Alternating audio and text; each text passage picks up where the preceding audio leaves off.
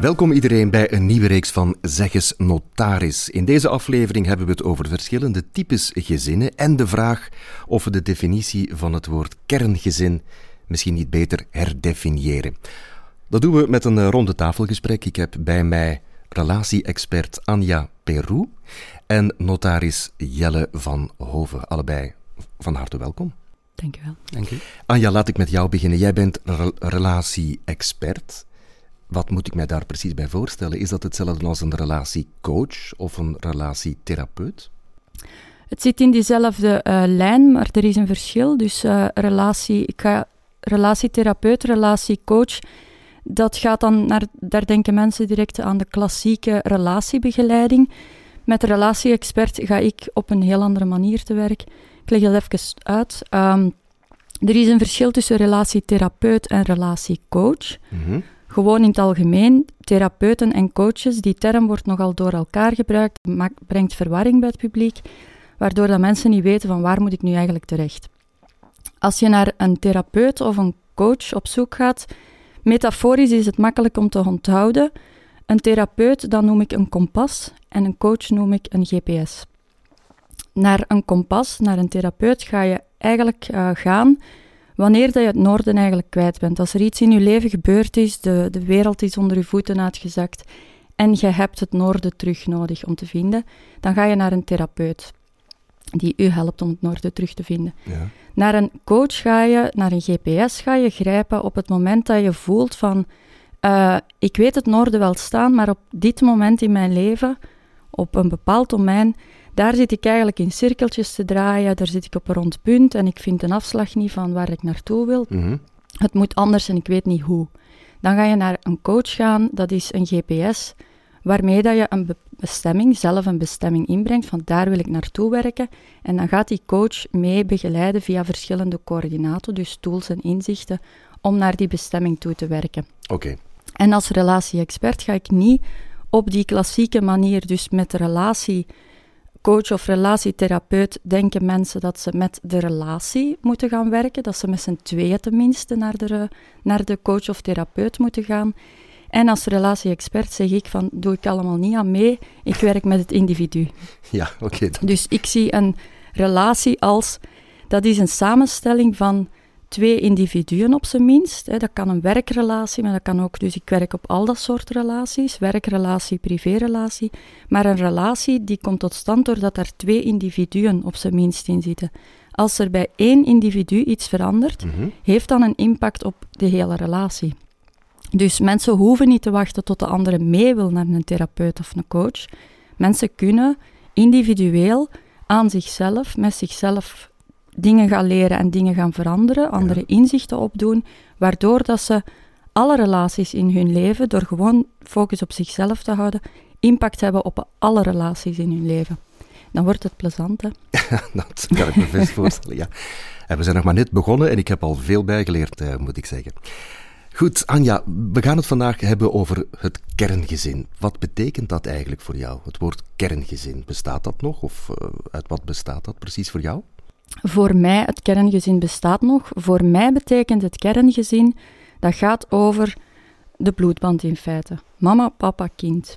Dat is het mhm. kerngezin. Nu, met samengestelde gezinnen die er zijn, komen er meerdere kerngezinnen. Je hebt het oude kerngezin, het oorspronkelijke gezin met ouders en hun kinderen, dat dan uit elkaar valt door scheiding of overlijden. Mhm. En dan komt er een nieuw gezin, dat is een nieuw samengesteld gezin, maar als in dat nieuw gezin die beide partners um, ook een kind samen krijgen, dan is dat voor mij, in mijn, um, hoe dat ik dat zie, is dat een nieuw kerngezin. Met dus de nieuwe bloedband tussen biologische ouders ja. uh, en dat kind. Oké.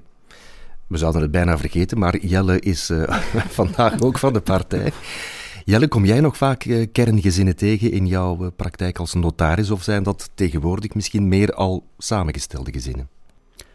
Voor mij is een kerngezin iets dat vooral nog in de handboeken staat. Ja. Um, ik kom dat nu niet meer tegen, want wat is een kerngezin? Wat voor de ene partij een kerngezin is, is dat voor iemand anders misschien niet. Mm -hmm. uh, kinderen die week om week wisselen, ja, zitten in één gezin, zitten in twee gezinnen. Eigenlijk doet dat er niet toe. Man, vrouw, man, man, vrouw, vrouw het zal mijn worst wezen. Ja. Eh, de situatie die die mensen komen bespreken, dat moet opgelost worden als ze het überhaupt al komen bespreken. Mhm. Misschien moeten we daar zelf naar zoeken. ja. Maar het kerngezin, dat ben ik kwijt. Iets van uit de boeken, zeg je dus met andere woorden. Ja, is- elke situatie is anders en wat voor de ene werkt, werkt niet voor de andere. Ja. Eh, dus niet het kerngezin doet A en een nieuw samengesteld gezin doet B.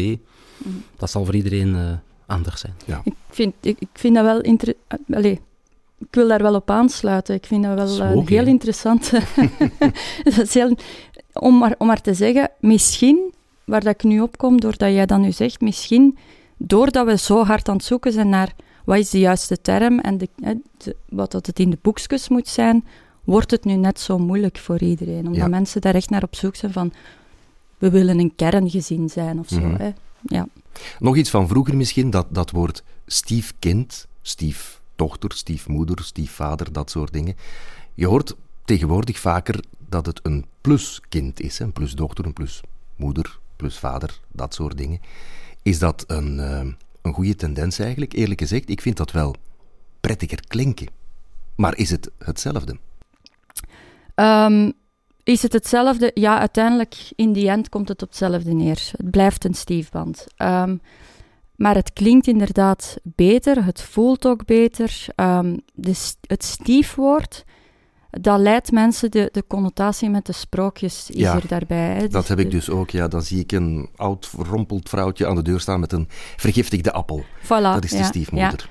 En dan moet je denken, oorspronkelijk, dat is dus allemaal ontstaan door de gebroeders Grimm, die daar, die daar een he- hele lading eigenlijk opgelegd hebben op de, de boze stiefmoeder, waardoor dat eh, stiefouders echt op zoek zijn naar ik wil absoluut niet die boze stiefouder zijn en in die end in, in, een- in een struggle komen. Maar oorspronkelijk, het sprookje van ehm, Roodkapje, Mhm. dat was niet de stiefmoeder die die dood wou, Oei. in het oorspronkelijke, de eerste versie van het sprookje, je gaat nog iets leren. dat was de, de moeder die, die Sneeuwwitje dood wilde, omdat in die tijd, dus in, in die tijd dat dat sprookje tot stand kwam, dan was er iets met erfrecht. Hè. De notarissen eh, hadden toen ander werk te doen. Eh, dan was door erfrecht ging de erfenis van de koning niet naar de moeder gaan Mhm. komen, waardoor dat die moeder die, die dochter dood wilde. Maar niemand wilde dat, natuurlijk geen enkele moeder wilde dat sprookje voor hun kind voorlezen, waardoor dat, dat sprookje geen succes had. En dan hebben de gebroeders Grimm daar stiefmoeder van gemaakt en ineens verkocht dat als zoete broodjes. Die moeders wilden dat wel lezen voor hun kinderen. En eh, ja, Disney die heeft er dan een schepje bovenop gedaan door Ja. dat ook te verfilmen. En zo is het eh, vertrokken. Waardoor dat we dus als, als stiefouders eh, op zoek gegaan zijn naar wat is een lichtere term om toch een positiever gevoel eraan te kunnen gaan plakken. Ja, want het blijft een negatieve connotatie hebben. Hè. Stief, hè. iemand wordt stiefmoederlijk behandeld. Die worden meestal niet echt eh, goed eh, behandeld. Hè. Maar het heeft niks te maken met het feit of twee partners getrouwd zijn met elkaar, dat het dan bijvoorbeeld stiefkinderen zijn. En wie niet getrouwd is of waar geen band tussen bestaat, dat het dan pluskinderen zijn. Nee, daar heeft er niks mee te maken. Nee. Oké. Goed. Eh, plusouder kan een, eh, een invloed hebben op de kinderen. Maar, en dan kijk ik weer even naar jou, Anja. Het kan ook. is dat nu, hè? Ja, absoluut. Geen probleem. ik ben niet ongeduldig. Maar het kan ook een invloed hebben op de ex-partner van iemand. Want eh, er is iemand anders die dan plots plus mama wordt van dat kind. Kan dat tot problemen leiden, waardoor ze misschien bij jou komen aankloppen? Dat kan tot problemen leiden, absoluut. Uh, daar zit het dikwijls, hè. de bemoeienissen in feite over de huizen heen. Uh, ik ben daar behoorlijk streng in. Um,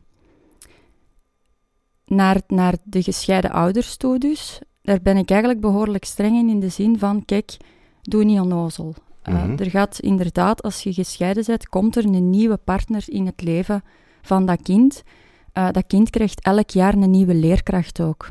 Je gaat ook niet elk jaar opnieuw zeggen van oei, een nieuwe persoon die invloed heeft. Nee, maar oké, okay, maar... maar dus na dat jaar is die leerkracht verdwenen en die partner die zal waarschijnlijk toch wel liefst, net iets langer blijven. Liefst, liefst blijft die. En, uh, en het is als je er weerstand op gaat hebben, um, ook daar, partners zijn dan bezig met wie komt er als nieuwe partner in dat leven. En eigenlijk zijn dat uw zaken niet meer. Die een biologische ouder, ouderschap gaat over de, de relatie naar het kind toe en gaat over de verantwoordelijkheden naar het kind toe. Ouderschap gaat niet over ex-partnerschap. En daar zie je dat ex-partners bezig zijn met. Ja, het is niet omdat je kinderen hebt dat je voor eeuwig ook verantwoording moet afleggen aan elkaar met de nieuwe, over de nieuwe partner waarmee dat je in zee gaat. Nee. Ehm, en ze zijn zich aan het moeien met die nieuwe partner, terwijl dat je in het vertrouwen moet kunnen gaan van kijk, als ouders gaat je in principe ook wel de keuze maken voor een nieuwe partner met je kinderen in gedachten ook, liefst. Ehm, en als je weerstand gaat hebben op er komt een nieuwe partner in het leven, dan begint daar de frictie. Dus een biologisch ouder kan enorm een hypotheek leggen op de band die er geschept gaat worden tussen de nieuwe partner en het kind. En als die ouder zichzelf zijn eigen ego even aan de kant zet en die nieuwe partner uh, gaat verwelkomen, ook al doet dat. Ja. Hè, ook al doet dat, dat pijn natuurlijk, daar komt altijd wel pijn mee, uh, mee te pas.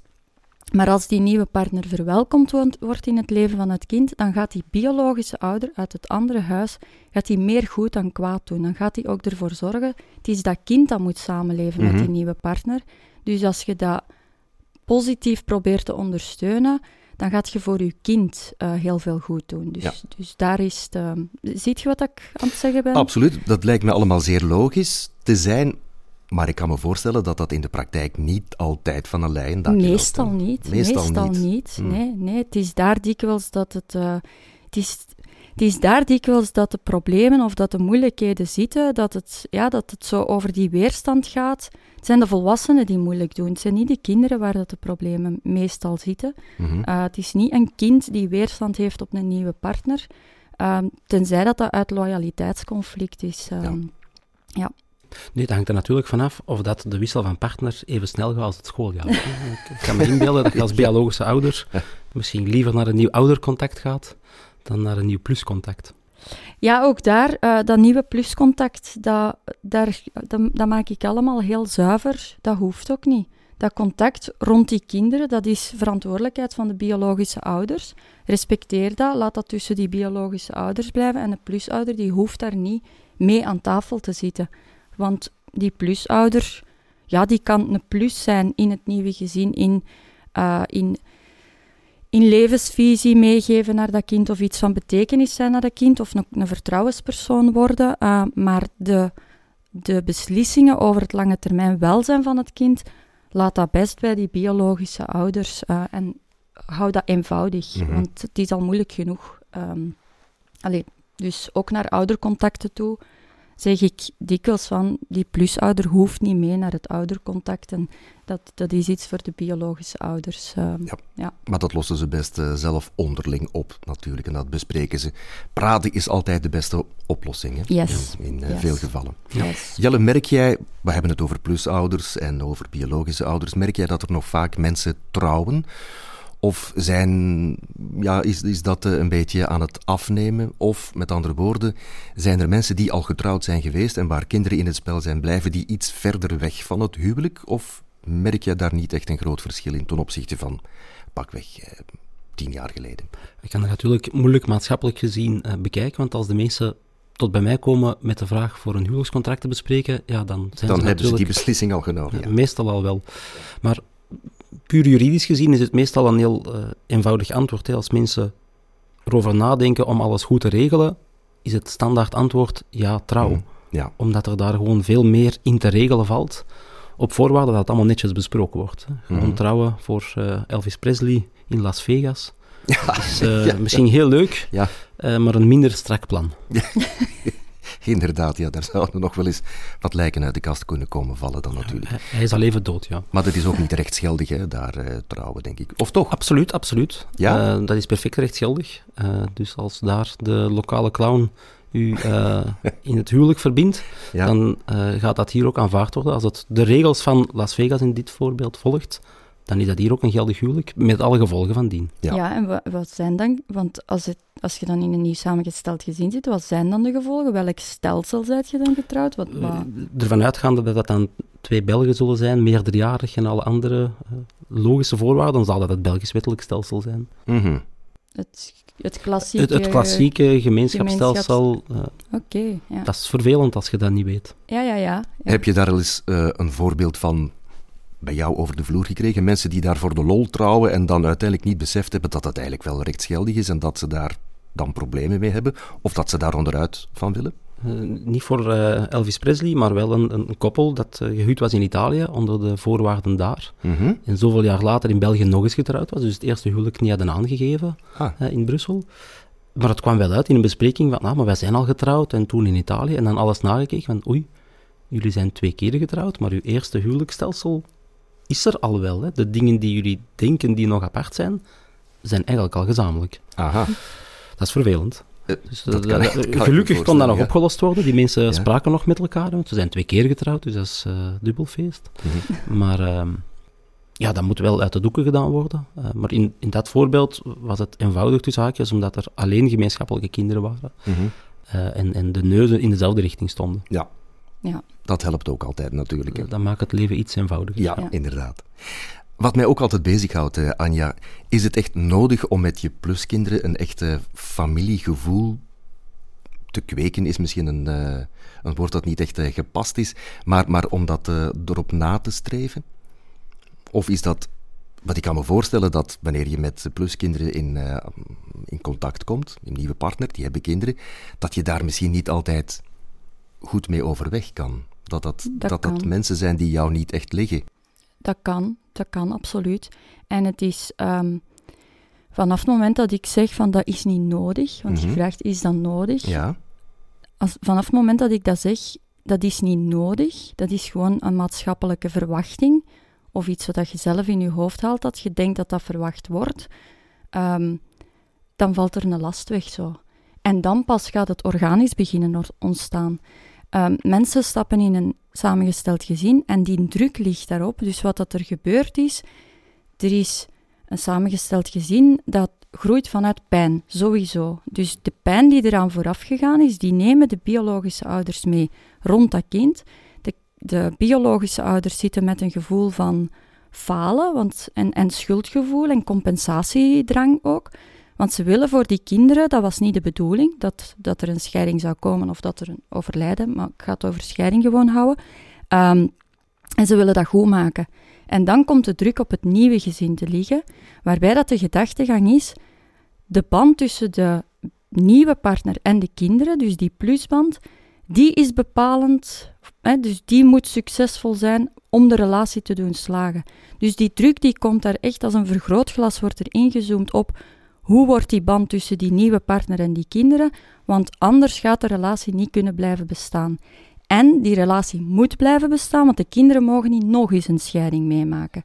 Dus dat is zo dubbelop dat er daar druk op ligt, waardoor dat niemand nog gewoon zichzelf kan zijn en niemand nog gewoon normaal functioneert. En zodra dat dat ervan wegvalt, dus omgekeerd kan dat ook, dat dat kind die nieuwe partner niet ligt en dat, dat die kinderen zeggen van ik wil daar geen band mee scheppen. Wel, als je dat daar ook allemaal gewoon in rust laat en zegt van weet je wat, pakt u een tijd, je hoeft niet met elkaar te... Hè, je, je woont wel onder één dak, dus Mhm. je moet daar naar, naar dingen kijken van hoe kunnen we harmonieus samenleven. Maar als de druk weggehaald wordt al, dan gaat er een heel, heel veel verlichting bij al die partijen komen. En dan gaat iedereen gewoon vanuit zichzelf zachtjes aan organisch wel naar elkaar toe eh, leven. Ja. Daar vergelijk ik dat ook weer met school. Mhm. Ik al zo regelmatig eh, school erbij. Maar stel u voor dat er twee kinderen, dat je een juf hebt en daar zijn twee kinderen in de klas van haar beste vriendinnen. En die twee beste vriendinnen, die, die kennen elkaar nog niet. En die juf die zit zo met een druk van, die twee kinderen die moeten met elkaar overeenkomen. Dus ik ga die zeggen dat die alleen maar met elkaar mogen spelen, zodat die twee vriendinnen, hè, dat wij clubje kunnen vormen. Ja, je weet al wat er gaat gebeuren. Hè. Ja. Die kinderen die gaan zeggen, um, this not going to happen. Hè. Ja. En vanaf het moment eigenlijk dat jij die kinderen gewoon uh, vrijlaat om te spelen met wie dat ze willen spelen, dan trekken die naar elkaar toe. Dan zullen ze elkaar wel vinden. Ja, en Ja. dat is eigenlijk naar, naar, naar de plusband toe moet je het eigenlijk ook zo gaan bekijken. Mhm. Laat die rust daar allemaal. Hè. Het is de biologische ouder die natuurlijk het liefst van al heeft. Die ziet die nieuwe partner graag, die ziet die kinderen hè, doodgraag. Hopelijk. Ja. Hopelijk. Hopelijk. ja, ja. Natuurlijk.